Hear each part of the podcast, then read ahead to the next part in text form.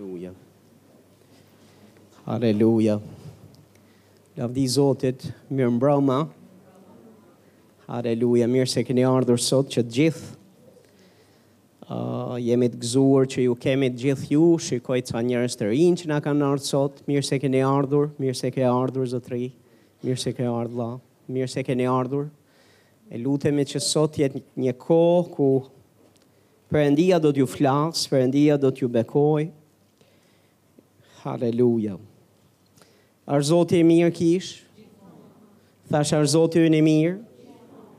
Zoti ynë është i mirë, e mirësia e tij zgjat për jetë. Dhe Zoti ynë kurrë nuk tregohet indiferent, i pakujdesshëm, ë në rrugëtimin tonë. Ai është gjithë kohës e ka vëmendjen e vet tek fëmijët e tij, e ka vëmendjen e vet tek jeta jote. E ka vëmendjen e vet deri në detaje, sa fjala e Zotit realisht thotë që ai i numëron, i ka të numëruara dhe fijet e flokëve tuaja. E fjala e Zotit thotë gjithashtu që ne jemi bebja e syrit Perëndisë. Momentin provo ta çosh pak dorën tek syri dhe shiko se çfarë i ndodh, çfarë ndodh syrit dhe çfarë i ndodh fytyrës tënde. Menjëherë mbyllet syri, menjëherë vihet në punë, vihet në punë instinktet mbrojtëse, instinktet e kujdesit. Ti je bebja e syrit Zotit. Ti je fëmija e Perëndisë. Dhe Perëndia nuk nuk i le fëmijët e vet tek kazani i plehrave, që t'i braktisë edhe të kthejë, t'ju kthejë shpinën. Perëndia në natyrën e vet lufton për fëmijët e vet. Vepron, ju qëndron pranë fëmijëve të vet, nuk i braktis, nuk i le. Dhe nëse një baba, thotë Jezusi në shkrime, thotë nëse një fëmijë shkon dhe i kërkon babait vet bukë, a mos vallë thotë ai i jep gur? Nëse i kërkon peshk, a mos vallë i jep thotë një gjarpër? Ju thotë që jeni të këqinj nga natyra.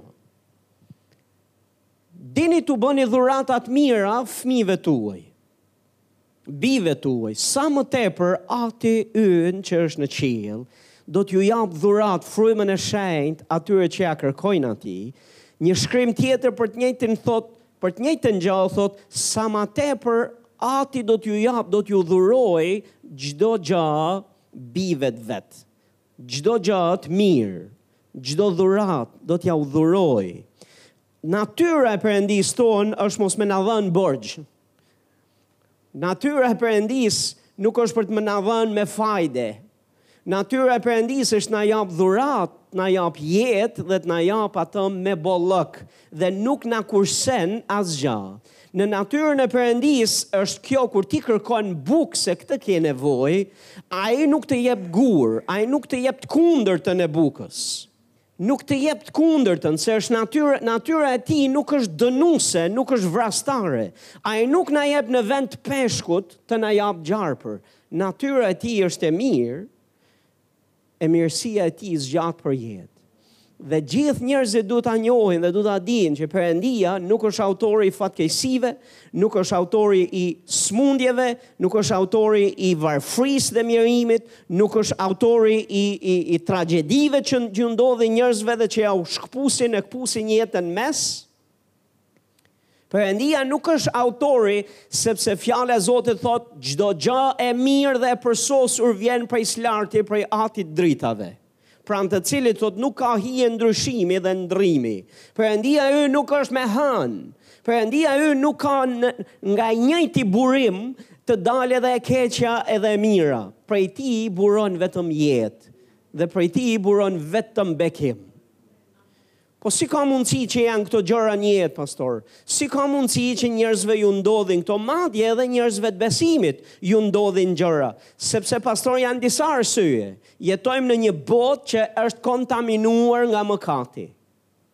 Jetojmë në një botë që jemi të rrethuar me njerëz të cilët nuk janë duke jetuar sipas ligjeve dhe standardeve të Perëndisë.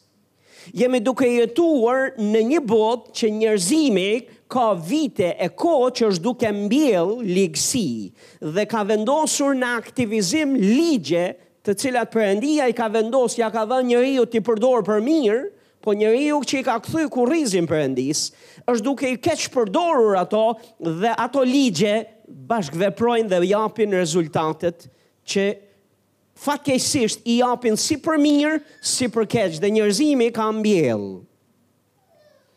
Se pastor, sepse ekzistojmë, jetojmë në një botë dhe ka një armik të Perëndisë dhe ka një armik të jetëve tona. Emri i tij është Satani. Satani nuk është një legjendë, E shpikur nga kisha, po është një qenie reale, është armik i, i, i njerëzimit, është armik i krijesës më të dashur të Perëndisë, është armiku yt. Është armik i Perëndisë në fakt, sepse Perëndia e shqelmoi nga qielli, sepse Perëndia e ka vendosur poshtë këmbëve të kishës, Sepse Perëndia i ka rezervuar atij një fund të hidhur përjetë. Ai do digjet në ferr bashkë me angjëjt e vet dhe fatkeqësisht dhe me gjithë ata të cilët do ngurtësojnë zemrën dhe nuk do të zgjedhin të besojnë te Jezusi.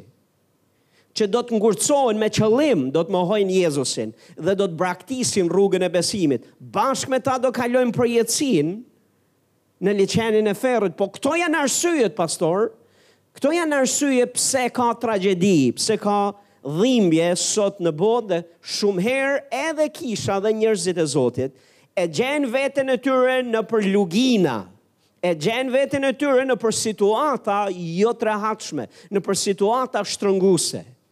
Po sot dua t'ju mësoj pastor si dhe çfarë zemre, çfarë qëndrimi të mbajmë kur kalojmë nëpër lugina të kësaj natyre.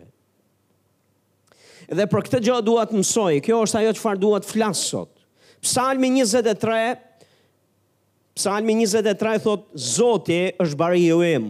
Gjithë gjithë theksi i këtij psalmi është që të flasë për për natyrën, për kujdesin, për dashurinë, për fuqinë, për aftësinë e bariut tonë për t'u kujdesur për kishën, për t'u kujdesur për delet e tufës së vet.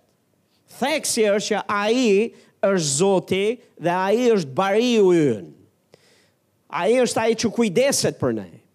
Dhe tek Psalmi 23, një nga gjërat që thotë Një nga karakteristikat e këtij bariu është se thotë edhe sikur vargu katër edhe sikur të ecja në luginën e hijes së vdekjes nuk do të kisha frikë nga asnjë e keqe sepse ti je me mua shkopi yt dhe thupra jote janë ato që më japin zemër dikush thotë amen edhe sikur të ecja në luginën e hijes së vdekjes Dhe më leni t'ju them, nuk lutem që të kaloni ju nëpër lugina të tilla, nuk ia uroj askujt që të kalojë nëpër lugina të tilla, por e di që për sa kohë jemi në këtë botë, ekziston mundësia që ta gjesh veten nëpër këto lugina, të cilat janë luginat që janë kërcënuese me jetën. Tani njerëz të Zotit, jo çdo luginë në të cilën ti je është kërcënim për vdekje. Paçka se një pjesë e besimtarëve bëjnë edhe gjërat më të vogla, i bëjnë sikur është jetë a vdekje dhe duket sikur janë të kërcënuar me jetën. Jo pastor, jo çdo gjë hyn në këtë në këtë lloj kategorie, po ka ca raste dhe ka ca situata dhe rrethana në cilat, të cilat realisht meritojnë që t'i quash lugina e hijes së vdekjes. Në atë luginë hija e vdekjes ndihet, shihet, Kuptohet, është aty, kërcënimi dhe presioni është i lartë dhe i madh dhe nuk është thjesht kërcënim imagjinar, por është real dhe nuk është kërcënim për një vend pune dhe nuk është kërcënim për një një një një gjë, për një lloj marrëdhënie që edhe po të humbi, nuk prish ndonjë punë, por është duke është kërcënim real për uh, për jetën, kërcënim për familjen, kërcënim për fëmijët, kërcënim për të dashurin tënd, të dashurit e tu. Dhe në kushte të tilla, çfarë duhet të bëjmë? Çfarë duhet të bëjë besimtari në kushte kur e gjen veten në një luginë të kësaj natyre? Tani pastor, pastori që është duke folur sot, ka kaluar lugina të tilla. dhe e di se si ndihesh dhe e di se çfarë lloj tundimi të madh ke dhe çfarë uh, ç'të vjen për të bërë dhe si ndihesh në kushte të tilla, po gjithashtu di edhe se si kalohet në krahun tjetër, sepse e kam parë dorën e Zotit në gjitha luginat në cilat kam kaluar, Dora e Zotit ka qenë, prania e Zotit ka qenë, mbështetja e Perëndisë, e Bariut të Madh, ka qenë pranë meje, për t'u siguruar që të kaloj në anën tjetër. Dhe Bariu të cili, i cili më ka kaluar mua në lugina, nga luginat më ka nxjerrë në anën tjetër, po të garantoj që do të nxjerrë dhe ty. Do të të nxjerrë dhe ty. Janë pa fund rastet të cilat i kam kaluar të tilla. Rastet që një pjesë e juaja mund t'i keni dëgjuar ca, ca nuk i as nuk i dini. Po kemi kaluar gjëra të tilla. Edhe thjesht sepse jemi pastorë, thjesht sepse jemi këtu duke folur, edhe duke ju dhënë ju zemër, e duke duke u gëzuar, duke qeshur, kjo nuk do të thotë që ne e kemi jetën fushë me lule. Dhe do të thotë që pse kemi mikrofonin në dorë dhe jemi duke ju folur ju, do të thotë që s'jemi sfiduar dhe nuk dimë se për çfarë flasim. Jemi duke folur për gjëra të cilat i kemi lexuar nëpër libra. Ata të cilët e bëjnë këtë rol duke lexuar nëpër libra, pastor, nuk janë mirë këtej lart. Sepse më lini t'ju them një gjë, një njeri i Zotit ka thënë, bësh shërbesën e pastorit, është ke, ke dy arsye. O je i çmendur, s'je në rregull, ose je thirr nga Zoti. Po ju them se jam thirr nga Zoti. A e doni ta dini pse jam, pse e di këtë gjë, sepse me të thënë drejtën kur shikoj mbrapa dhe kur shoh veten time, nuk ka asgjë në mua të cilën unë do e dëshiroja ta kem, jo më ju.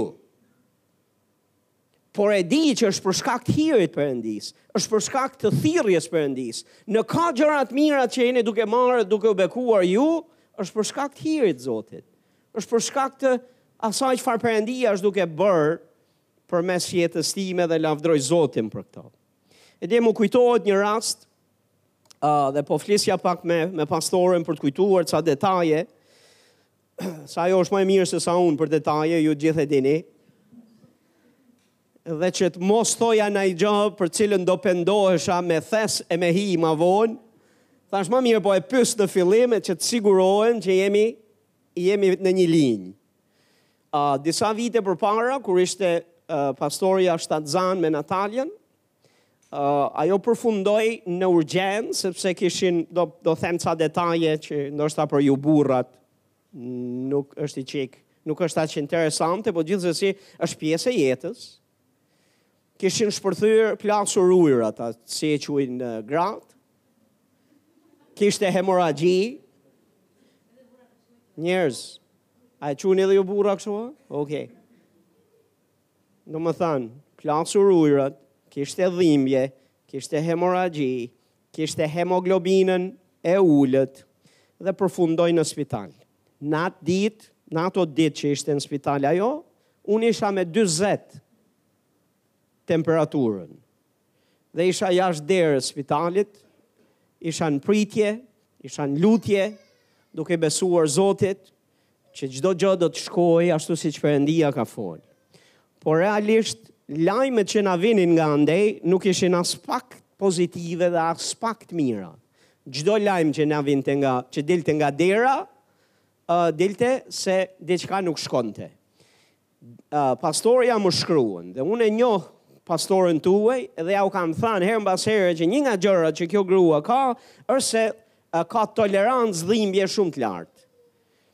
Dhe kur ajo flet për një gjë që i dhemb, domethënë është vërtet, vërtet i dhemb.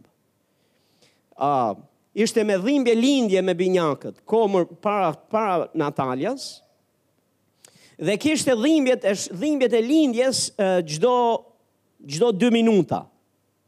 Po nuk bërtiste dhe nuk ulëriste dhe nuk bënte asnjë lloj shenje dhe dukej sikur ishte një njeri që s'ka pik dhimbje. Dhe thoshte ore kam dhimbje, Fatmir më thoshte kjo, thuaj mjekut se unë po kaloj dhimbje. Ju thoja mamive, ju thoja njerëzve, ore është në dhimbje. Vinin e shihnin, ama se s'je në dhimbje. Dhe vazhdonin rrugën. e marr në telefon uh, mjekun, mikun tonë, vjen, thotë, Fatmir, po vij për ty, thotë se, mu më thonë mamitë që ajo nuk po bërtet, as nuk ka, s'ka dhimbje, a e di ça do të thotë, të kesh dhimbje lindje, po jo, e merr vesh gjithë, uh, gjithë spitali, se kjo është e zakonta. I them o doktor, hajde një herë. Hajde një herë bëja një vizitë, shife dhe pastaj flasim. Vjen ja bën vizitën dhe kur e merr vesh i bëjnë ato aparaturat, me aparatura dhe shef që realisht dhimbjet janë ashtu. Dhe i thotë asaj, i thotë uh, Silvës, ore ti, ti a, o s'je në vete, o ça ka, pse nuk bërtet o njeri? sepse nuk bërtiste se toleranca e për dhimbjen ishte shumë e lartë.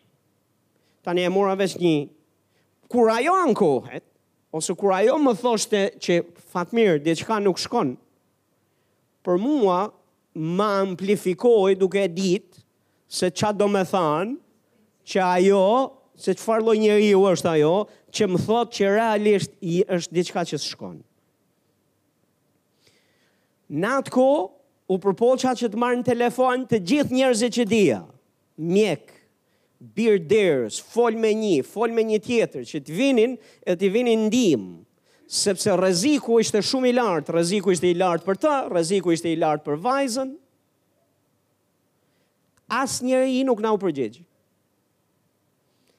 Dhe të gjithë mjekët ishte mbasdite diku ditë, ditë e shtunë që duhet të iknin dhe duhet të ktheheshin të hënën. E imagjinoni pak këtë pjesë? Dhe i pashë që ikën, një nga një të gjithë dhe lanë, ikën të gjithë uh, mjekët. Dhe nuk kishte asnjë mjek që më përgjigjej dhe që t'i vinte në ndihmë. Dhe ngela. Edhe e mba, nuk e harroj kurrë atë ndjesi atë lloj ndjesie që ti je tani në kushte që ti ke nevojë për ndërhyrjen e njeriut, ti ke nevojë për ndërhyrjen e njeriut dhe asnjeri s'ishte aty. Asnjeri s'po përgjigjej. Isha me 40, i dija të gjitha dhe s'kishe rrugëdalje në të natyrshmen. Dhe mbaj mend që jam ulur në një palë shkallë, Dhe kam thënë zot, i kam thënë zot, po në fakt dhe kemi folur në telefon me njëri tjetrin dhe i them zamër, le të lutemi, sepse nuk ka asnjë që po na përgjigjet. Të gjithë kanë ikur dhe në kushte të tilla ne vetëm qiellin kemi. Nuk ka rrugë tjetër. Jemi lutur të dy. E mbyllëm telefonat. dhe isha ulur, kisha, nuk kisha asgjë, s'mund të bëja dot asgjë në të natyrshmen ma. Dhe mbaj mend që gjysë ore mbrapa vjen hematologia e para, që kishte ardh nga shpia, nuk rrinte dhe erdhi dhe tha veç prej teje kam ardh.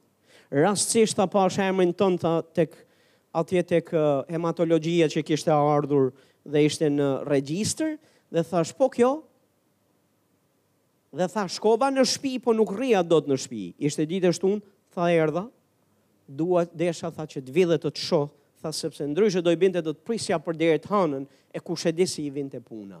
Mbas asaj filluan të vinë mjek pas mjeku, mjek pas mjeku dhe asaj jo veç që s'i mungoi kujdesi. Po iu dha një shërbim mbretëror nga ai moment e mbrapa.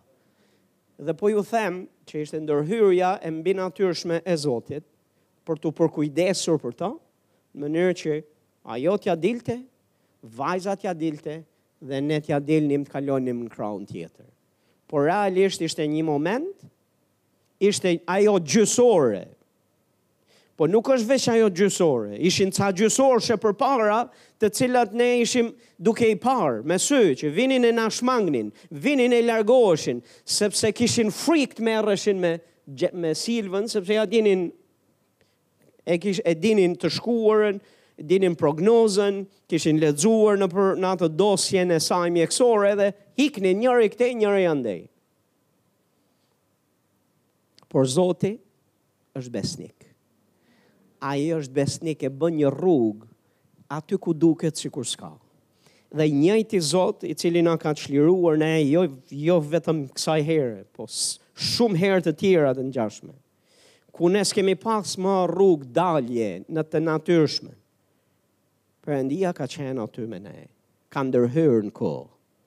Jam duke thënë këtë për t'ju dhënë zemër, që edhe sikur kalosh në luginën e hijes së vdekjes, mos ki frik nga asnjë e keqe, nga vdekja mos ki frik, mos ki frik nga kërcënimet, mos ki frik për kanosjet, mos ki frik nga nga fjalët e kobshme që dëgjon, mos ki frikë nga ndjesia e presionit, mos ki frikë, janë reale, janë reale kërcnimet, po ti mos ki frikë, sepse Perëndia, Zoti yt Jezus, është besnik, ai do të jetë aty afër teje, nuk ka për të të lënë e nuk ka për të të braktisur ty kurrë.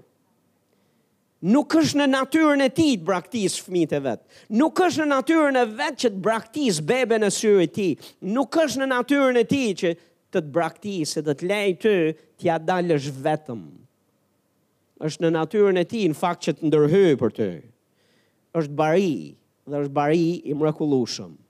Është bari besnik, është bari i dashur, është bari që kujdeset e do t'ia dijë për ty.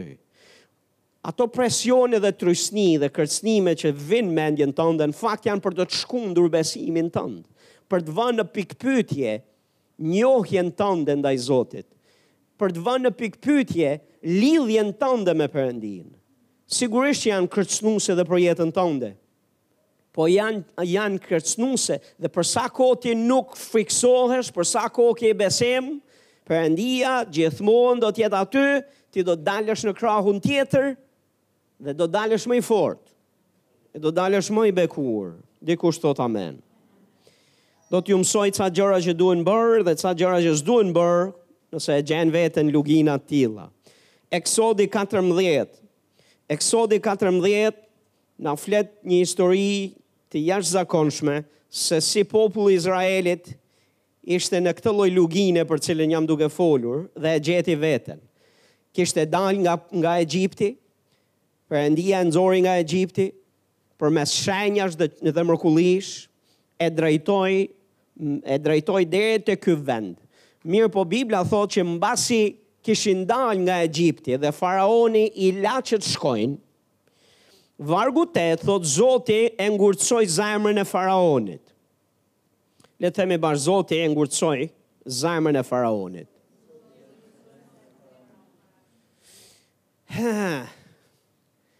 është një një karakteristikë e jashtëzakonshme e Zotit tonë gjithashtu. Ai ndërhyn edhe te armiqtë dhe ua ngurtëson zemrën dhe i le të të afrohen dhe i le të të kërcënojnë dhe i le të vijnë kundër teje dhe në të natyrshmen duket sikur o Perëndi, po a nuk e sheh se janë duke ardhur? Perëndia e ka parë. Po Perëndia do t'i lejë do t'i lejë të afrohen deri tek vendi ku ka pregatitur groposjen e tyre për gjithmonë.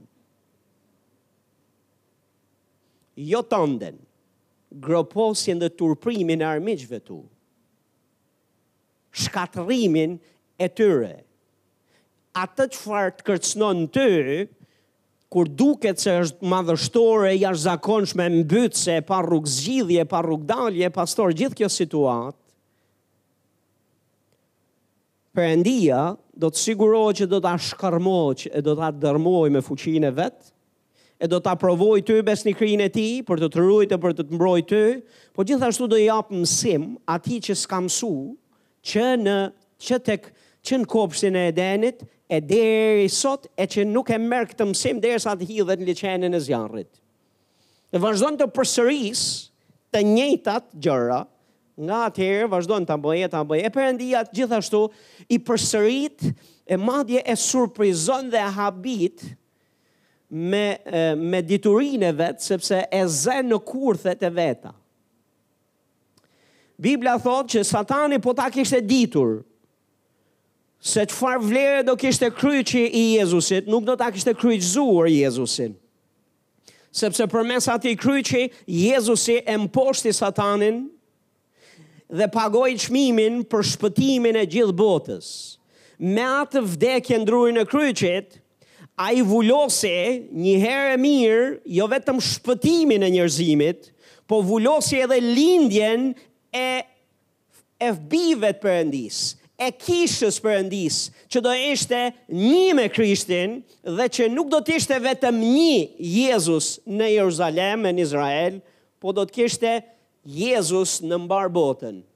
Do të kishte Jezus edhe në Shqipëri. Dhe Satani nuk e di, nuk e dinte. Mendoi se duke e kryqëzuar në drurin e kryqit, do ta bënte të heshte përgjithmonë. Duke e kryqëzuar në drurin e kryqit, do ta ndalonte fuqinë mrekullibërëse një herë e mirë. Duke e kryqëzuar Jezusin, mendoi se nuk do të kishte më torturë torturë, atë torturë që Jezusi u dha demonëve, kurdo që ishte përballë tyre. Nuk do kishte më një dikë të fuqishëm që do çlironte të shtypurit, do çlironte të burgosurit, do shëronte zemrën atyre që kanë zemrën e thyer. Nuk do kishte dikush që do u jepte ungjillin të varfërve dhe që do i jepte dërmën t'ligut. Nuk do ishte më. Po pak e dinte, nuk dinte gjë se ça do i ndodhte, sepse me kryqëzimin e Jezusit dhe vdekjen e tij, Bibla thotë ai e shkatërroi satanin autorin e vdekjes. Jo veç vdekjen, po edhe atë që kishte pushtetin e vdekjes. Satanin, pushtetin, Zoti ynë e ka pushtetin e jetës dhe është jetëdhënës. Ai ka ardhur për të dhënë jetë dhe për t'u dhënë njerëzve jetë me bollëk. Satani vjen për të vjedhur, për të vrarë dhe për të shkatërruar. Dhe ato gjëra të këqija që përmenda pak më herët, autorësinë e kanë prej tij. Po ta kishte ditur i ligu se ça do e gjente me kryqëzimin. Nuk do e kishte kryqëzuar, thotë Bibla, po ishte dituri dhe urtësi përtej të tijës. Ai mendoi se e ndaloi në fakt çfarë bëri është i hapi udhën që do të kishte më shumë fuqi demonstruar, më shumë mrekulli, më shumë shërime, më shumë bekime, më shumë shpëtime, më shumë jetë për njerëzimin botë. Haleluja. E me që ra fjala nuk ka, kanë kaluar vite, kanë kaluar shekuj, dhe duket sikur sa në një qoshe këtu, sa në një vend, sa në një vend tjetër duket se i shuhet zëri i Biblës, e duket sikur nuk përmendet më besimi, pa e keni vënë re që mbretërit janë kalbur sot.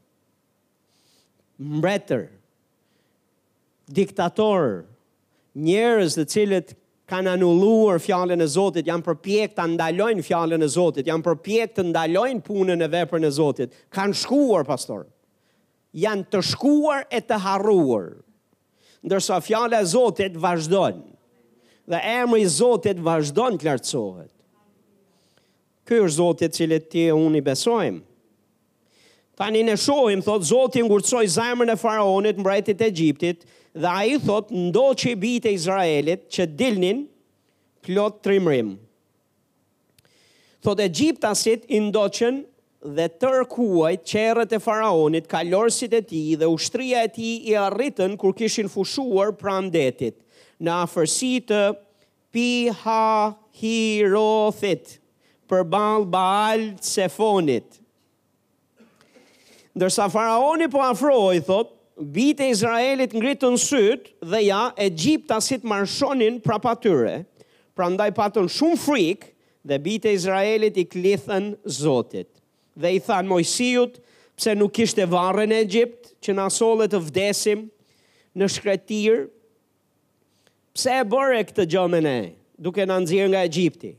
A nuk ishte vallë kjo për të cilën flisnim në Egjipt duke thënë, na lë rehat, kështu do të mund t'u shërbejmë egjiptasve, sepse për ne do të qenë më mirë t'u shërbenim egjiptasve se sa të vdisnim në shkretirë. Por Moisiu thotë i tha popullit, mos kini frikë, Le të themi bashkë, mos kini frikë. Qëndroni dhe çlirimi do të vijë nga Zoti, i cili do ta bëjë sot për ju. Sepse egjiptasit që i shifni sot, nuk do t'i shihni ma kurrë. Zoti do të luftojë për ju dhe ju do të, merë, ju do të rrini të qetë. Pastaj Zoti i tha Moisiut, pse më bërtet mua? U thuaj bijve të Izraelit të shkojnë përpara. Dhe u dhe ti thotë ço lart bastunin tënd, shtrije dorën tënde mbi det dhe ndaje atë në mënyrë që bijtë e Izraelit të mund të kalojnë në mes të detit në të thatë. Sa për mua, unë do ta ngurtësoj zemrën e egjiptasve dhe këta do t'i ndjekin ata. Kështu unë do të fitoj lavdi nga faraoni, nga tërë ushtria e tij, nga qerret dhe kalorësit e tij. Dhe egjiptasit që do të që do dinë, do të dinë, thotë që unë jam Zoti, kur unë do të fitoj lavdi nga faraoni, nga qerret e tij dhe nga kalorësit e tij. Atëherë thotë engjëlli i Perëndisë që ecte përpara kampit të Izraelit, u zhvendos dhe shkoi e u vu prapë atyre, dhe kolona e reve, e reve thotë lëvizi nga përpara dhe shkoi e u vu prapë atyre. Kështu thotë Vajti e u vendos midis fushimit të Egjiptit dhe fushimit të Izraelit dhe reja prodhonte errësirë për njërën palë, ndërsa u jepte dritë të tjerëve natën. Kështu, tërë natën kurkush thotë nuk iu afrua tjetrit. Po të lexoni vargjet më poshtë, shkurtimisht ju do do e shkurtoj historinë me një dy fjali, Mbasi Moisiu bëri atë çfarë dhe Izraeli bëri atë çfarë Perëndia i udhëzoi të bëjnë, duke marshuar përpara drejt detit dhe ngriti bastunin, Bibla thotë që deti u ça në dysh dhe u bë tokë e thatë. Dhe u hap një udhë atje ku nuk ka udhë dhe nuk hapet udhë në të natyrshmen, përveçse nga dora e fuqishme e Perëndisë. U hap udha dhe Bibla thotë i madh dhe i vogël kaloi në të thatë në krahun tjetër. Egjiptasit të cilët ishin të ngurtësuar, armiqtë e Izraelit që donin t'i vrisnin të gjithë, Dhe më lini t'ju them pak se egjiptasit dhe ushtria egjiptase nuk ishte një ushtri dosido njerëz të Zotit, po ishte ushtria më e fuqishme në tokë në atë periudhë kohe. Nëse ata të viheshin mbrapa, pastor edhe sikur t'ishte një ushtri e fuqishme nga krahu tjetër dhe mirë trajnuar, gjasa t'vogla kishe për të fituar. Aq ma tepër që është një popull që ka gra, fmij, pleq, Ka skllevër të cilët nuk janë të trajnuar për, për, për të bërë beteja të fuqishme e për të bërë beteja me shpatë. është komplet në të natyrshmen, është një betejë e pabarabartë, sepse kemi ushtrinë më të fuqishme në njërin krah, dhe kemi një popull i cili është i pa, i pambrojtur në të natyrshmen, pa forcë në të natyrshmen për të përballur një betejë me një ushtri të kësaj natyre. Por Perëndia ishte me ta. Dhe kur Perëndia është me ty, kjo bën ndryshimin, pastor. Tash kjo bën ndryshimin. Kjo e bën gjithë ndryshimin. Prandaj thotë Bibla, një shkrim thotë më i madhi është ai që është brenda nesh sesa ai që është në këtë botë. Më i madh është Perëndia që është brenda nesh. Ai është më i madhi ndër të gjithë, tha Jezusi, dhe askush nuk ju rrëmben nga duart e Atit tim. Kur je në duart e Atit Perëndi, askush nuk të rrëmben dot. Askush nuk dëmton dot. Tani mund të guxojnë ta provojnë, po askush nuk mundet t'ia dalë me sukses sepse Ati është më i madh nga të gjithë. Është më i madh se i ligu, është më i madh se njeriu, është më i madh se i ligu, njeriu bashkë me demonët e vet. Haleluja! Dhe nuk ka djall në ferr e nuk ka ferr në djall që mundet të të bëjë ballë. Amen. E thashë këtë në mënyrë që të jem në rregull teologjikisht me të gjithë.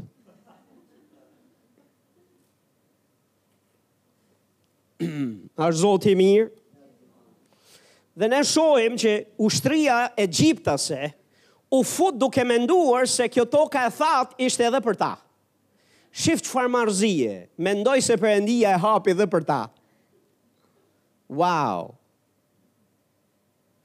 Po pak dinin se kur doli Perëndia priti që edhe më i vogli të dilte në krahun tjetër.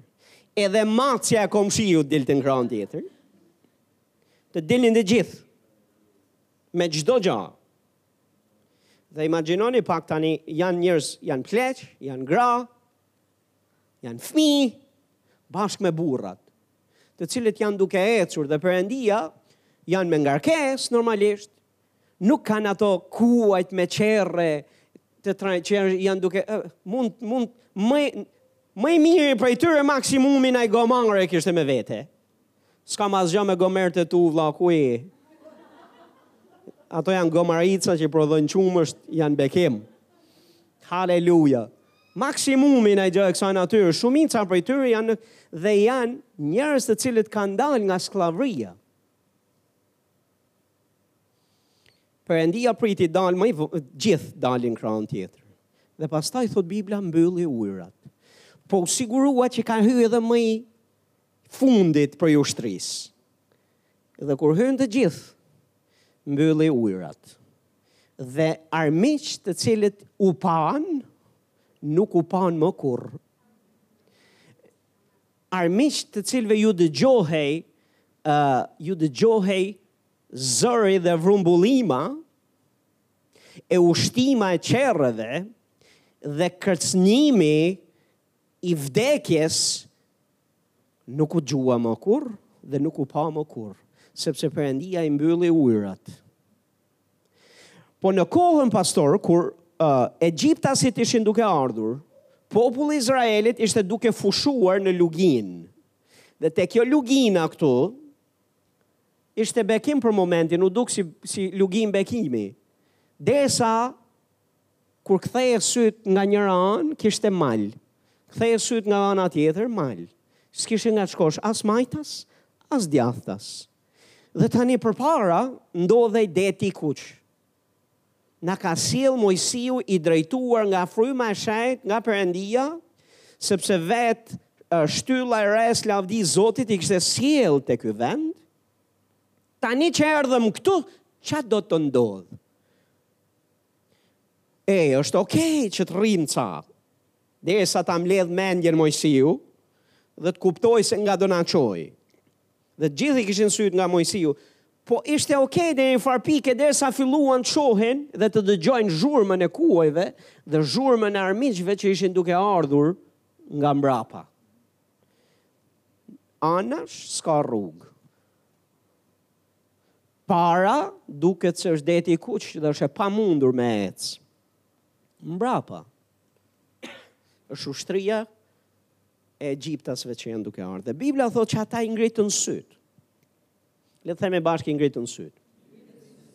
E di në kushte të tilla pastor kur lugi kur hija e vdekjes afrohet të vjen natyrshëm t'i ngresh syt.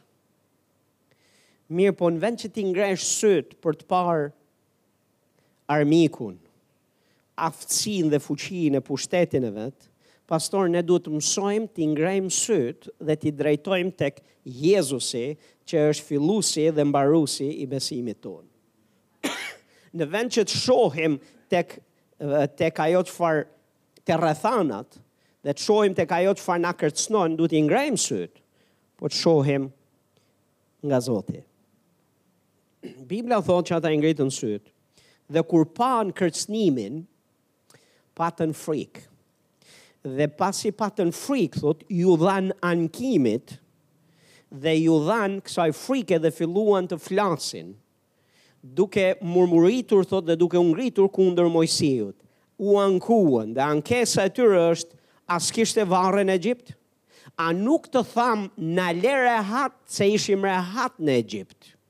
E dini që ca njerëz kanë mësuar të jenë rehat në skllavëri, kanë mësuar të jenë rehat në të smurë, kanë mësuar të jenë rehat në varfëri, kanë mësuar të jenë rehat në gjendje shtypje, stresi e në gjendje depresioni, kanë mësuar të mbijetojnë në kushte të tilla, më lër të them ti që beson te Jezusi, kjo nuk është jeta që Zoti ka për ty. Ai ka një jetë lirie për ty. Ai ka shërim, ai ka mbarësi, ai ka paqe, prehje për mendjen e shpirtin tënd, ai ka jetë me bollëk për ty. Dhe ai do që ti të dalësh nga ajo jetë, të dalësh dhe të çlirohesh një herë e mirë nga shtypësit e tu. Të çlirohesh një herë e mirë. Por Bibla thotë ata thanë, ishim rehat atje. Kishim varre boll atje. Pse s'na le atje? T'u shërbenim atyre. Sepse ishte plani i Zotit që t'i bënte të lirë. Gjëja më e gabuar që mund të bësh ose një nga ca nga gjërat më nuk po themi e vetmja, po një nga gjërat që mund të bësh gabim në kushte kur je në luginën e hijes vdekjes, është t'i ngresh syt për të parë çfarë thot dhe bën armiku. Ti duhet t'i ngresh sytë dhe të kuptosh kush është brenda teje dhe kush është pranë teje. Dhe të dish që Zoti është pranë teje, se më i madhi është ai që është në ty se sa ai që është në këtë botë. Dhe të shohësh se më të shumtë janë ata që janë në anën tonë se sa ata që janë kundra nesh. Bibla na flet për një rast për profetin e Zotit që ishte i rrethuar nga një ushtri e madhe armike dhe ai ishte i vetëm bashkë me shërbëtorin e vet. Dhe doli shërbëtori jashtë shpie dhe erdhi i tmerruar. Na paskan rrethuar. Çfarë do të bëjmë? Dhe njeriu i Zotit tha, ngrej sytë.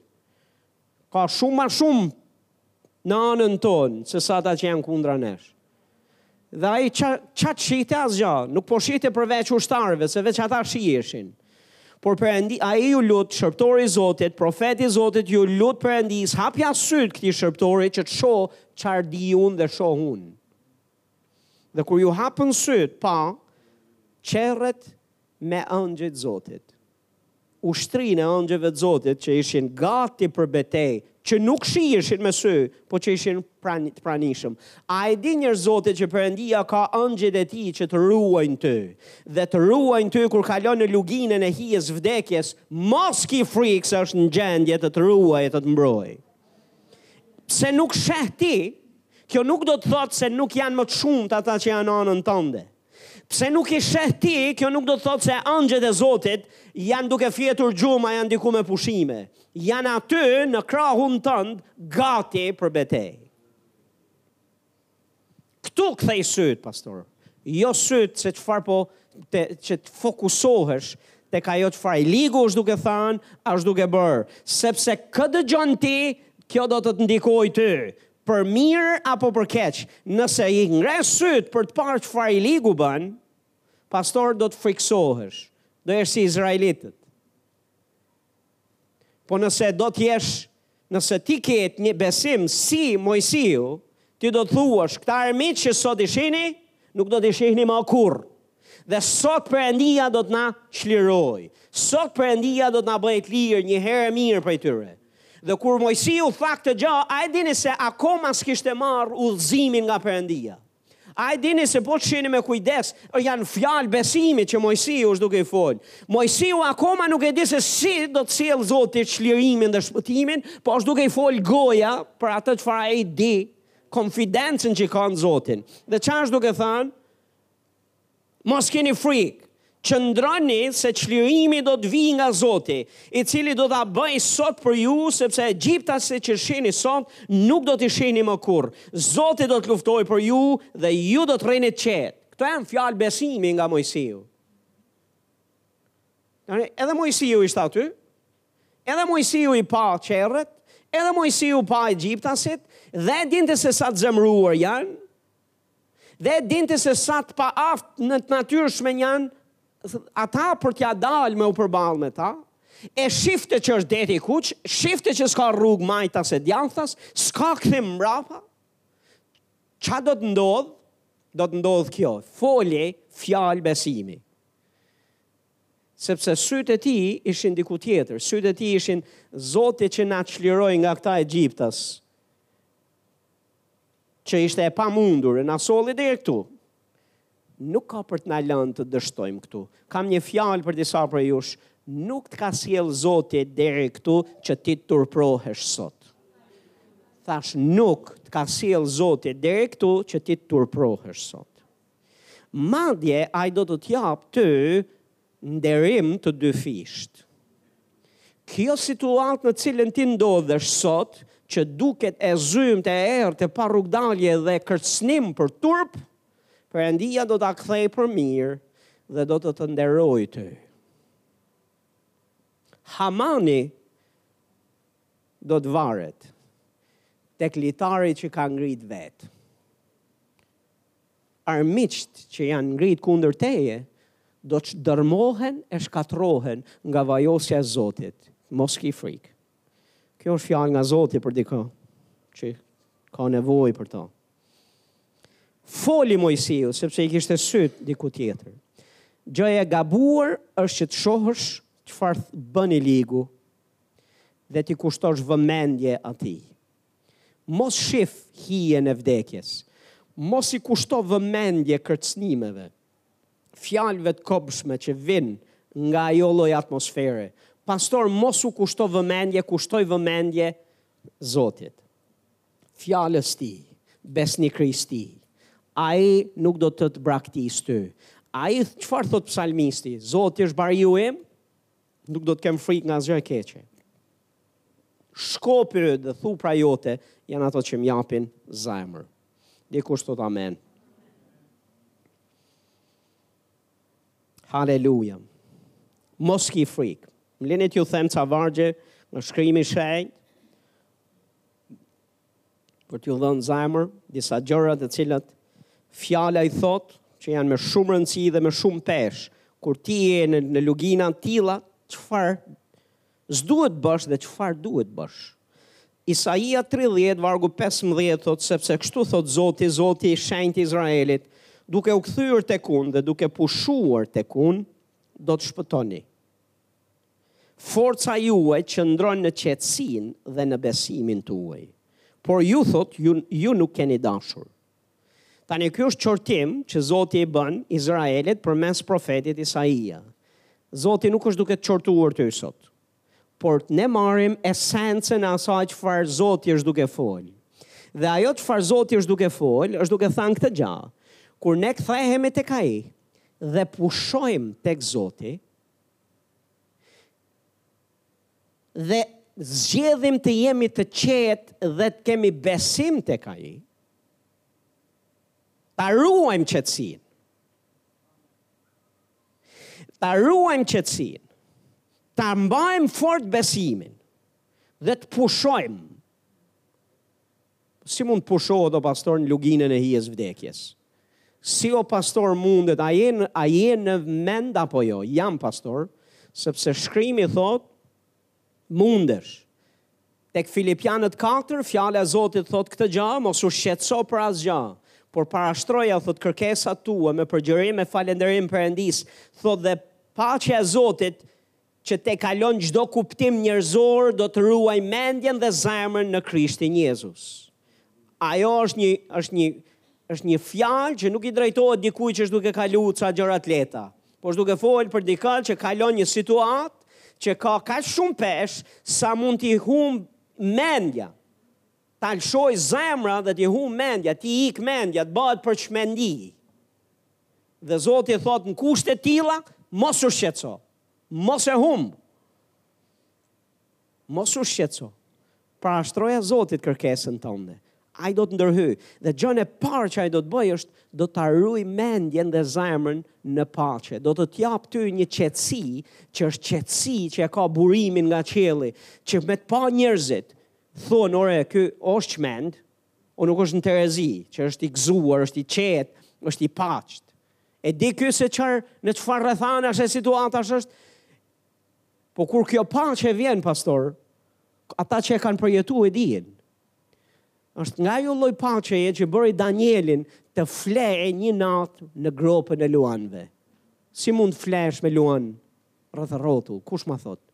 Bëri që Pjetri të flejë kur ishte kërcënuar me jetën, të nesërmen do i pritej koka, ishte marrë vendimi nga mbreti më i fuqishëm i asaj kohe, do i pritet koka, ishte bërë gati gostia e turprimit për të, dhe Bibla thotë, e kishin futur në, në burg e ruanin me roje të fuqishme, dhe Pjetri thotë flinte gjumë. Si mund të flejë një njeri gjumë? në kushte të tilla. Dhe ishte aq në gjumë të thellë, sa dhe engjëlli i Zotit iu shfaq dhe thirë, edhe do e nxirrte jashtë, dhe ai akoma ishte duke thë, a po shoh andërr, a... Sepse ishte në gjumë, ishte në gjumë, i qetë, Paqe nga Zoti. Mos u shqetëso për asgjë, thotë, por në çdo gjë ia parashtro kërkesën tënde Perëndisë me anë lutjesh dhe përgjërimesh me falënderim dhe paqja e Tij do të ruajë mendjen dhe zemrën dhe paqja e Tij është jo njerëzore, është e mbinatyrshme. S'tik mendja, dhe s't'lëshon zemra. Por çfarë thotë Isaia? Kështu thotë Zoti, duke u kthyer te unë dhe duke pushuar tek unë, do të shpëtoni. Domethënë, ku është shpëtimi ynë? Është ne të shkojmë tek në praninë e tij. Të shkojmë tek Zoti me kërkesën tonë. T'i drejtohemi atij për shpëtim dhe ai ka për të na ardhur në ndihmë. Po çfarë ai do prej nesh në në këmbim? Në këmbim na thotë ti qetësohu. Qetësohu. Çdo gjë është okay. Po egjiptasit. Po ka mal majtas, ka mal djathtas. Po deti i Kuq ti qetësohu. Ki besim. Sepse Zoti që kaloi një popull përmes detit Kuq dhe dhe bëri që të vriteshin gjithë armiqtë e popullit të Izraelit, a nuk e bën dot dhe për ty një mrekulli? Haleluja, absolutisht që po. Po ti qetësohu. Ka shumë rëndësi. Momentin që ti je në luginën e hijes vdekjes, është absurde që të flasësh për qetësi. Sepse ka plot gjëra që të shqetësojnë. Ikin doktorët, dalin lajme të këqija, temperatura 40, gruja jote është nga krahu tjetër, e është duke të thanë që shiko, gjërat nuk janë mirë, na duhet një ndërhyrje, na duhet patjetër një mrekulli, nuk jam mirë, ti nuk hy dot për të bërë asgja, edhe po hyne, ça do të bësh? Është përtej forcave tua, ikin dhe të shmangin njerëzit dhe bëjnë sikur ti s'je aty dhe ti je vetëm. Perëndia nuk të le, nuk të braktis kurrë. Ai e bën rrugën e vet. Isaia 35, vargu 4, thotë, u thoni atyre që e kanë humbur zemrën, bëhuni të fortë, mos kini frikë, Ja Perëndia juaj do të vijë me hakmarrje dhe me shpërblimin e Perëndisë. Do të vijë Ai vetë për t'ju shpëtuar. Edhe sikur asnjeri mos do të vijë me të shpëtu, do të vijë vetë. A jeni këtu? Vetë. Dhe, ho, pastor, po jam në një nevojë të madhe financiare, pastor, dhe po nuk ndërhyri njeriu për të më ndihmuar, pastor, mm, turpi është duke më prit. Pastor, i njëjti Zot që solli man nga qielli, i njëjti Zot që hapi shkambin dhe solli ujë për për izraelitët, i njëjti Zot që dërgoi korbat ta ushqenin profetin e tij ditë e në çdo vakt në kohë, mendoni nuk mund të bëjë një rrugë ai vetë do të vijë të të shpëtojë. Ti veç bëhu i fortë dhe ji trim.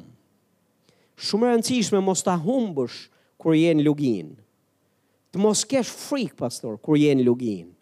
Refuzo të frikësohesh, refuzo ta humbësh, refuzo të bëhesh ankues, siç ishin Izraelitët.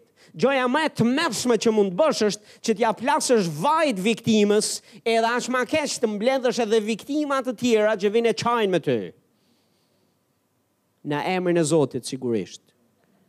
Duke i quajtur grupe lutjesh.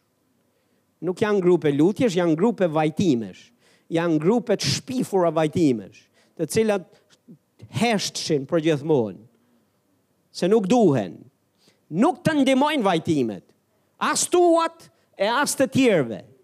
Nuk të ndihmojnë lutjet e njerëzve që s'besojnë.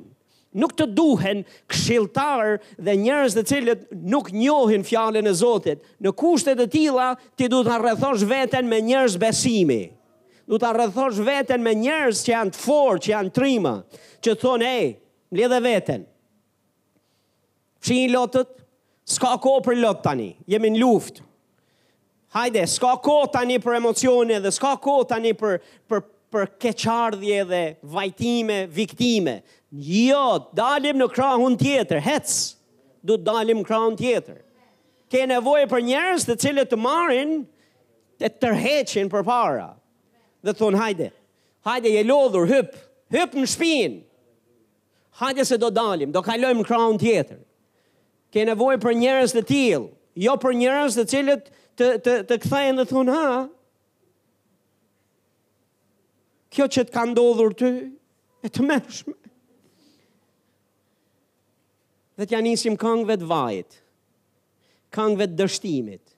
Jo, njerëz të zotit, Këndojnë kangë fitoreje, kanë britma fitoreje dhe gëzimi, sepse ne kemi Zotin në anën tonë, ne nuk jemi të vetmuar, ne nuk jemi të braktisur, ne nuk jemi të lënë. Prandaj kemi arsye për të qenë fortë, kemi arsye për të mos pas frikë. Pastor Zoti është besnik. dhe ai do të na gjendet pranë. Rrethoje veten me njerëz, me njerëz Zoti që dinë të luftojnë me ty. O, o haleluja. O Zoti t'bekoftë. Haleluja, dikush thot pastori ishte gati për të na beku. Isha fare gati. Më le të gjej një shkrim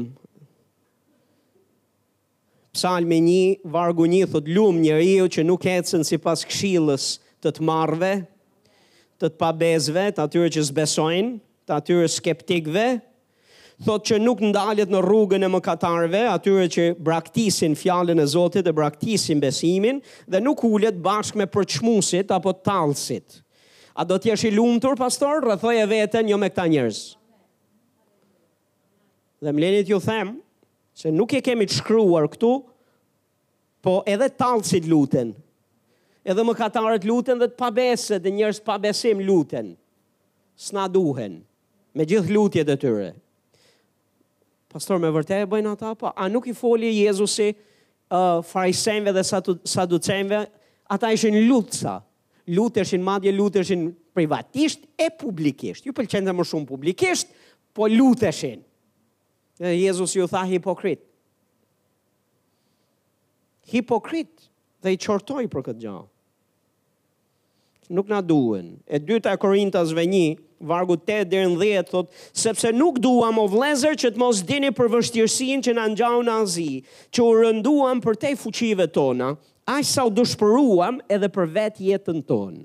Këtu është Pali duke i folë uh, kishës dhe është duke i thanë kishës korintasve që ju e dini se ça kemi heq dhe kemi qenë në një situatë dëshpëruse për vetë jetën, lugina për cilin po ju flas. Pali ishte aty. Dhe çfarë thotë? Për më tepër thotë, ne e kishim në veten tonë vendimin e vdekjes. që të mos besonim në veten tonë, por në Perëndin që ringjall të vdekurit, i cili na ka çliruar dhe na çliron nga një vdekje kaq e madhe, dhe tek i cili ne shpresojmë se do të na çlirojë, thotë edhe ma. Me ndihmën tuaj, me anë të lutjeve për ne, që shumë njerëz të falënderojnë për dhuntinë e hirit që do të na jepet me anë të lutjeve të shumë njerëzve. A di ça është duke thënë me pak fjalë Pali? Pali është duke thënë, Unë vetë i kam bërë të gjitha gjërat që di se duhen bërë, por jam duke e kuptuar që nuk ka kthim mbrapa, përveç se duket sikur vdekja është e sigurt. Në situatën në cilin e kemi qenë, vdekja është e sigurt, por thotë. Edhe në kushte të tilla, që e kemi të sigurt që do vdesim, për shkak të ngushticës në cilin jemi, kam një siguri tjetër, thotë. Dhe siguria e tij është thotë se Zoti që na ka çliruar, do të na çlirojë edhe ma, nga një vdekje kaq e madhe. Me pak fjalë, besoj në ringjallje, besoj që Zoti do ta ngjallte prej vdekjes, përsëri me qëra fjala, më shumë se tre herë është ringjallur prej vdekjes, dhe ai E kishte parë këtë gjë. Dhe vetë nuk mund të lutej, nuk mund të kërkonte, as nuk mund të besonte më. Se ishte i vdekur, por disi Perëndia e ngjalli prej vdekjes. Dhe çfarë thotë, unë besoj te fuqia e lutjeve të njerëzve të Zotit. Për shkak të atyre lutjeve, Zoti thotë, jam i sigurt që edhe po vdiqa, Zoti do më ringjallë prapë. Këta lloj njerëzish ku janë, Kjo kishë ku është? Këtu, te Fjala e Gjallë, është duke u kultivu në emër të Zotit, që thotë ne nuk të lemë të shkosh. Jo, ti je fëmija i Zotit, ti je delja e kësaj kishe, ti je vllai im, ti je motra ime, ne do luftojmë me ty deri në fund dhe do të fitojmë. Haleluja, po sikur të vdes, pastor, do ta ringjallim, pastor, prej atje ta nxjerrim, ta sjellim në jetë. Se është e mundur. Tani për ata që janë skeptik dhe ata që nuk kanë forcë besimi dhe nuk po ushqejnë besim, kjo gjëja që jam duke thënë është o pastor.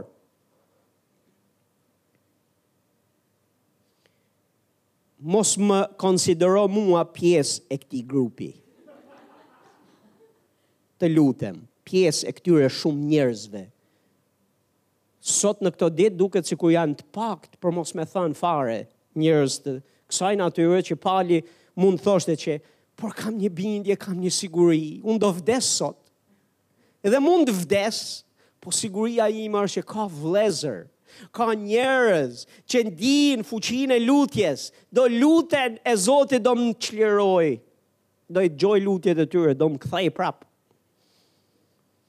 Se në një rast Bibla thotë e vranë me gurë dhe erdhën dishepujt dhe e rrethuan. Dhe kur e rrethuan thotë Pali u çua n'kamb. Ka një gja kur të rrethon kisha e Zotit. Dhe njerëzit e Zotit sot uh, ofendohen pse pastori thotë më morën në telefon pastor dhe pyete pse nuk ishe sot në kishë. Keni fillu të merrni mungesa në kishë? Po pastor, kam fillu të marr një mungesë. Sepse e di që kur ti që e ke bërë veten për thupër, ti që je gati i vdekur frymërisht, ke nevojë të hysh mes vëllezërve që të të prekë zjarri, hiri e lavdia e vëllezërve tu. Ke nevojë të rrethohesh që të çohesh në kamb.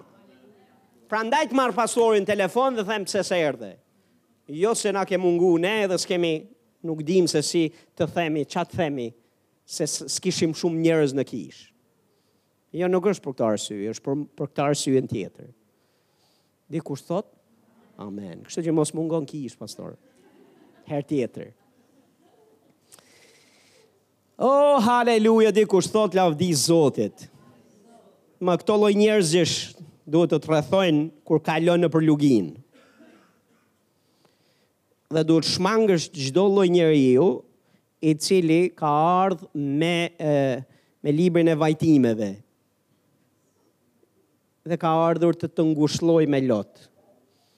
Dhe të të kujtojë ty se cili është fundi. Dhe po më kujtohet njëri një, një djalë i ri, i kishte rënë trompoz një kom, një komshiu, kushëriri ton. Edhe ishte përhap lajmi në mbar fisin se kishte shkuar një djalë i ri dhe i kishte thënë. Edhe po përpiqej tani ishte djalë i ri dhe kishte shkuar tek ai, tani ai ishte gjys njeriu se i kishte rënë trompoz. Edhe ngushllimi, fjalët ngushëlluese të atij djalit ishin mos u mërzit. O lani se kështu i thoshte. Mos u mërzit se kështu i kishte rënë trompoz edhe një komshiu tjetër dhe vdiq ai. Fjalë ngushëlluese.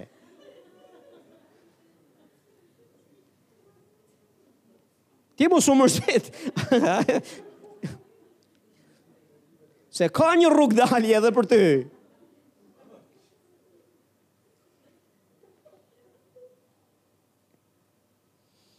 Pastor, ça do të bëjmë? Mos e humb, ki besim tek Zoti, mos ki frik, mos iu jep frikës, se frika është e kundërta e besimit. Ajo hije e vdekjes,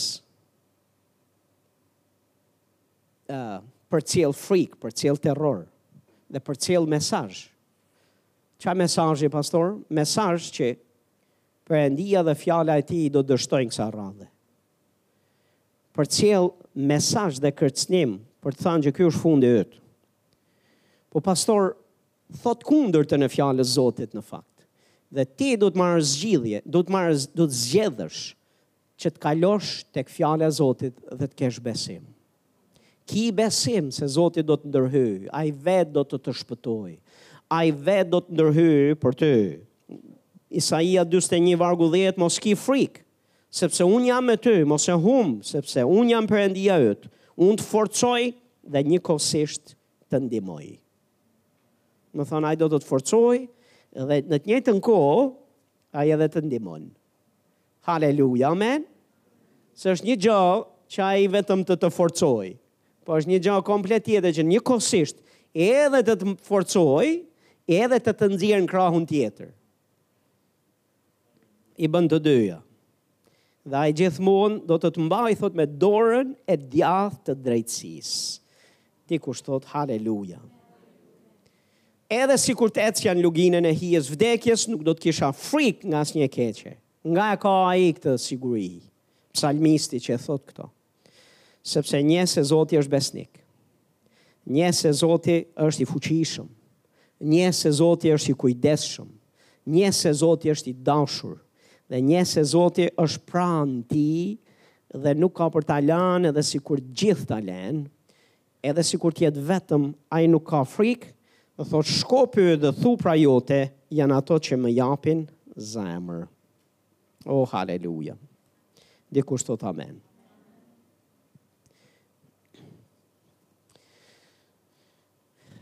Haleluja. Janë disa udhëzime që Zoti i dha izraelitëve kur ishin përballë Detit Kuq. Uh, udhëzimi, një prej udhëzimeve që iu tha Mojsiut, ishte ngreje bastunin tënd.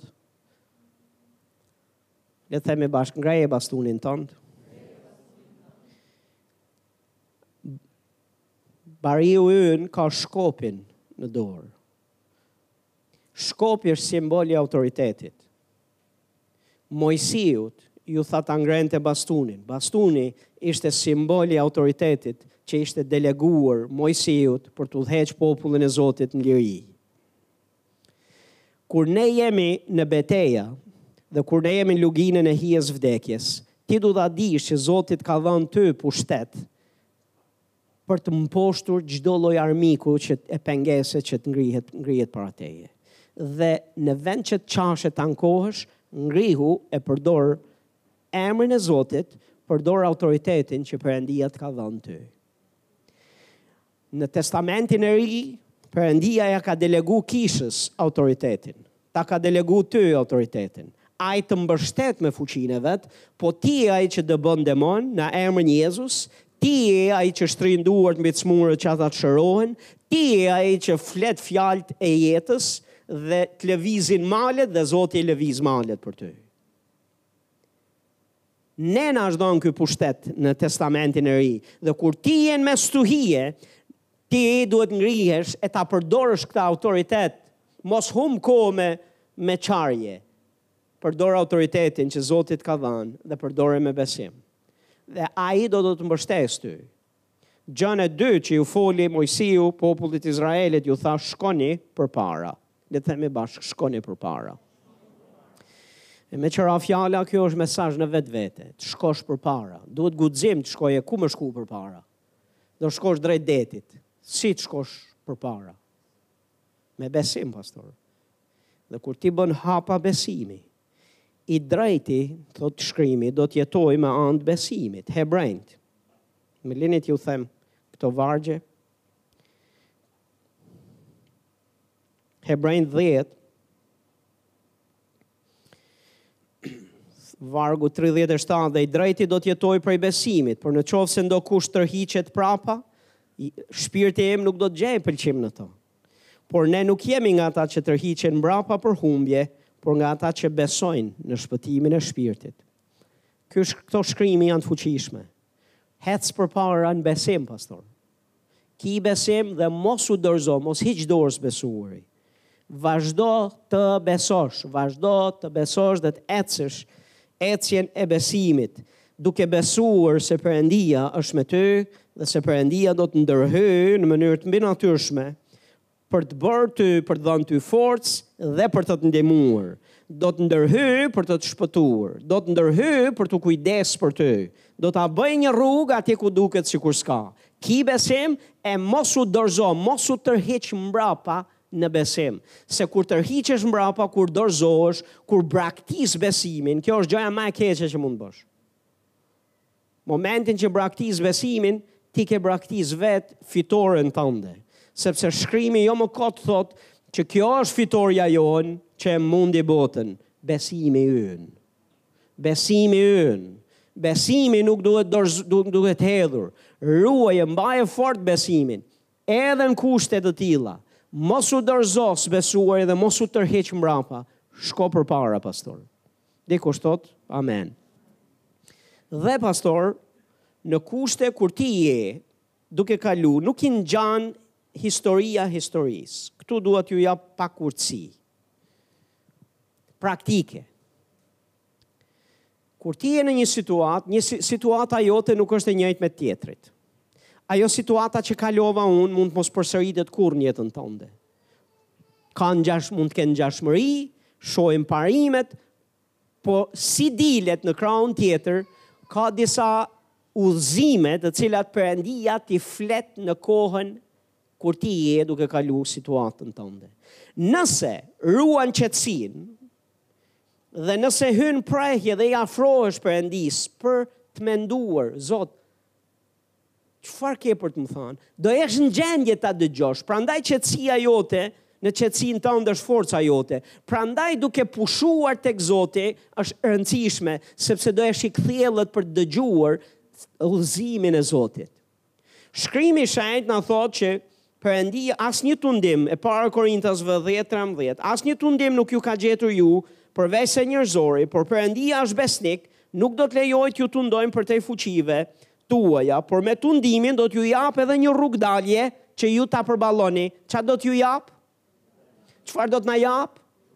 Domethënë kur ti je në mes luginës edhe je i tunduar për t'u dorëzuar, je i tunduar për jetën, Perëndia do të të japë rrugëdaljen, po shumë e rëndësishme që ti të jesh në gjendje të dallosh rrugëdaljen e Tij, dhe nëse je në besim dhe je i qetë dhe refuzon të kesh frikë dhe po mbahesh fort së besuari tek Zoti, ti do ta dëgjosh udhëzimin e Tij, dhe kur dëgjosh udhëzimin e Tij, pastor, sigurohu që e ndjek atë udhëzim, e ndjek rrugëdaljen e Tij. A je duke më dëgju? Kjo ça jam duke thënë tani është jetike për ta kuptu. Pastor, jetike thashë për ta kuptu. Pastor, dëgjoje edhe një herë, kur Zoti në mes të tundimit, më dëgjo, Perëndia gjithmonë është besnik, ai gjithmonë bën anën e vet. Në mes të tundimit, ai thotë që do të bëjë rrugëdaljen, po nuk të tërheq zvarrë ty që të kalosh, të ndjekësh atë rrugë, ti duhet të bindesh. dhe duhet të ndjekësh udhëzimin e tij. Në mbyllje pastor Luka 17 vargu 32 thotë kujtoni gruan e Lotit. Themi bashkë kujtoni gruan e Lotit. Jezusi i tha gjithve kujtojeni këtë grua. Ça me i kujtu kësaj gruaje? Ça kishte për me kujtu? Më lini t'ju them se ça duhet me kujtu. Zanafilla nëntëmbëdhjetë, Është koha kur Perëndia do të sillte gjykimin mbi Sodomën dhe Gomorrën. Dhe vargu shtatëmbëdhjetë thotë ndërsa po i çonin jashtë, njëri prej tyre iu tha, janë dy engjëjt e Zotit, vëzhgues që kishin shkuar për të për për të lajmëruar e shpëtuar dhe Lotin po për të parë dhe vendin dhe ligësinë që ishte atje, se ishin dërguar nga Perëndia. Kur po dilnin, po jepnin udhëzime, udhëzime specifike Lotit për shpëtimin e tij dhe të familjarëve e familjes vet. Dhe vini re se çfarë thotë vargu 17, ndërsa po i çonin jashtë, njëri prej tyre i tha. Le të themi bashkë njëri prej tyre tha. Edhe një herë njëri prej tyre tha. Ik shpejt Si i tha ik, ik si? I tha ik ngadal, a i tha ik shpejt. Ok, i tha ik shpejt. Për të shpëtuar jetën tënde. Mos shiko mbrapa dhe mos u ndal në asnjë vend të fushës. Shpëto në mal që të mos vdesësh. A është mesazh i qartë? A është udhëzim i qartë? Domethënë, mesazhi është ky.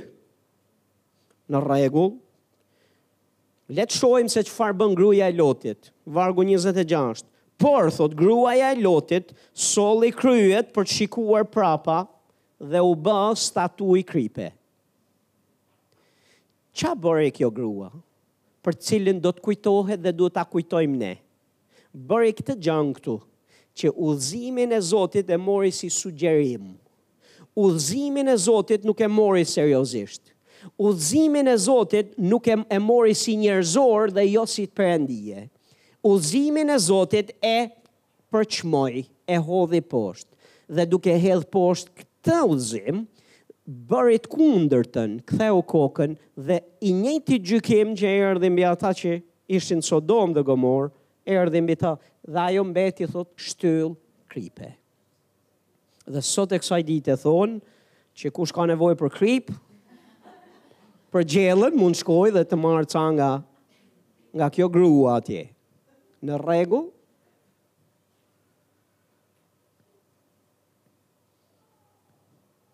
A jeni duke dëgju, kujtoni, tha Jezusi gruan e Lotit.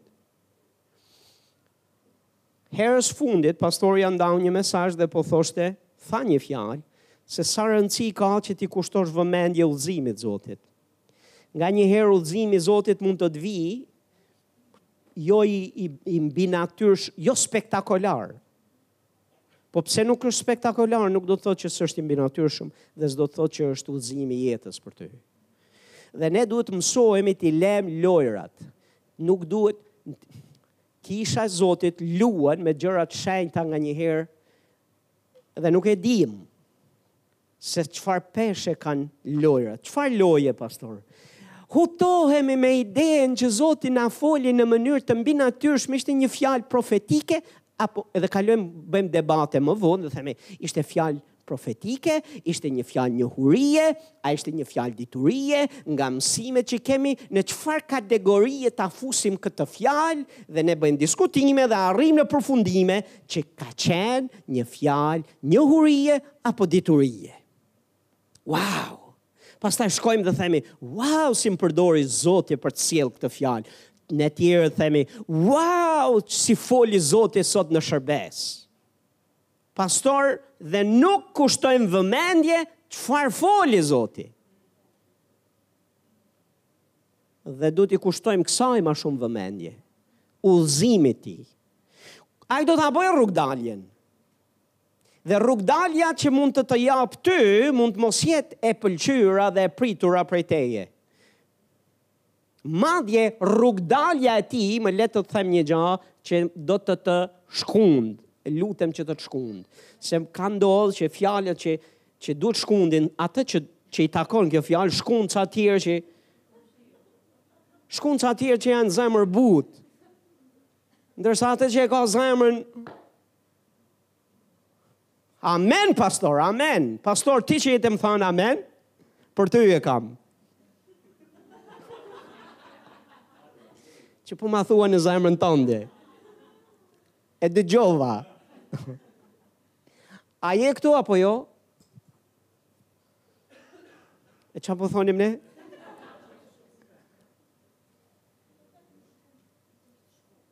Po, lutem që të shkundë.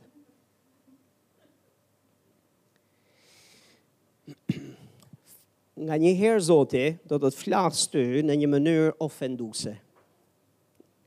Do të të jetë ofenduse fjala, mesazhi dhe mesazheri. Fjala, mesazhi dhe mesazheri.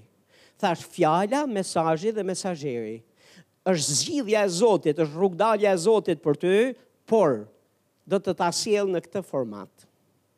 Ça thua zot, ça thua pastor? A është vërtet kështu? Po pastor, po kujt ka për t'ia sjellë Zoti në këtë mënyrë? Më le të them një gjë, do t'i flasë krenarit. Dhe në qoftë se ti ofendohesh e ka me ty. Në qoftë se ti thua dhe ta ka drejtu ty, do të thotë që ti ke rranjë krenarie në ty. Dhe prandaj Zoti është duke u marrë me ty sepse Bibla Bibla nuk mundet, Perëndia nuk thyn fjalët e veta. Ai thotë që e kundërshton krenarin dhe i jep hir të përulurit. Dhe duke të folur në këtë mënyrë, po të jep mundësinë që të përulesh dhe të thush po Zot. A mbani mend Namanin ju apo jo? Edhe ai si gruaja e Lotit është. Veçse ai për një fije peri shpëtoi. Sepse profeti i Zotit bëri veprime dhe i çoi një mesazh në një mënyrë të tillë që ishte ofenduese për të. Se i tha shko dhe zhytu në lumin Jordan shtatë herë. Dhe ishte lumi më i pistë. Ky njeri që kishte lebër, që erdhi, kishte një dinjitet, kishte ishte dikushi, kishte pushtet. Ishte wow, Kishte një reputacion, ishte shumë i njohur nga vinte. Kishte ardhur me rekomandime mbreti dhe kishte ardhur me një me një kohort, kishte ardhur me një ushtri të tërë të cilët i bënin fresk rrugës, ndërsa njeriu i Zotit as doli prej shtëpie m'u marrë me të. Çoi shërbëtorin e vet dhe i tha shko i thuaj që ta dish që ka Zot në Izrael, Ti ta dish se ti nuk je një herë. Haleluja. Dhe nuk ka njeri që do ta bëjë Zotin e Izraelit që të vijë, të vijë te niveli yt, e të të intimidohet prej teje. Dhe as njeriu i Zotit nuk intimidohet prej teje. Ti shko e zhytu shtatë herë në lumin Jordan që të pastrohesh. Dhe Bibla thotë që ai iku dhe ishte duke turfulluar, i zemëruar, i mërzitur, si ma bëri mua njeriu i Zotit këtë. Dhe një izraelit i thjeshtë aty tha këtë gjanë, a hum naj gja, se ti ma i pistë se ç'je, se ma i papastër se ç'je, s'ke për t'u bërë kur të hysh në ujë.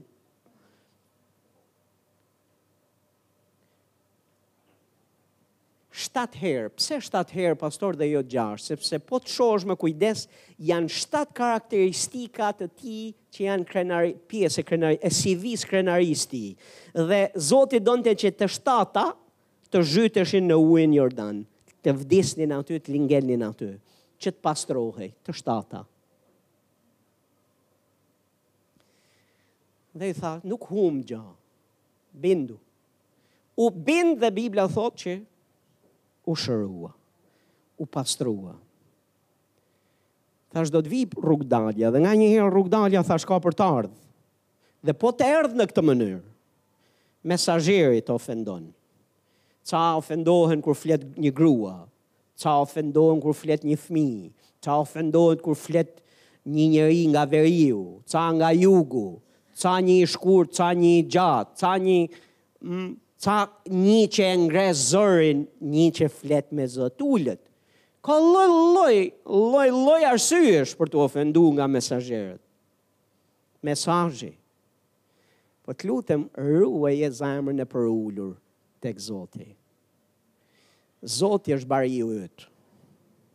A është? Nënshtroje veten në dorën e fuqishme të Perëndisë, pastaj kundërshtoje djallin dhe ai do të largohet prej teje. Po të pyesësh gjithë kishën, a je i nënshtruar dhe i përulur? Nuk kam dëgjuar njeri, njeri që të më thotë, unë nuk jam. Përfshirë edhe mua që jam duke fol.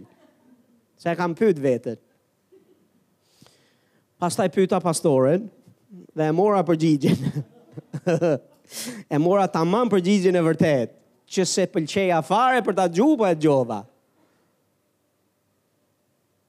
Po pastor, krenaria testohet. Nënshtrimi testohet dhe provohet.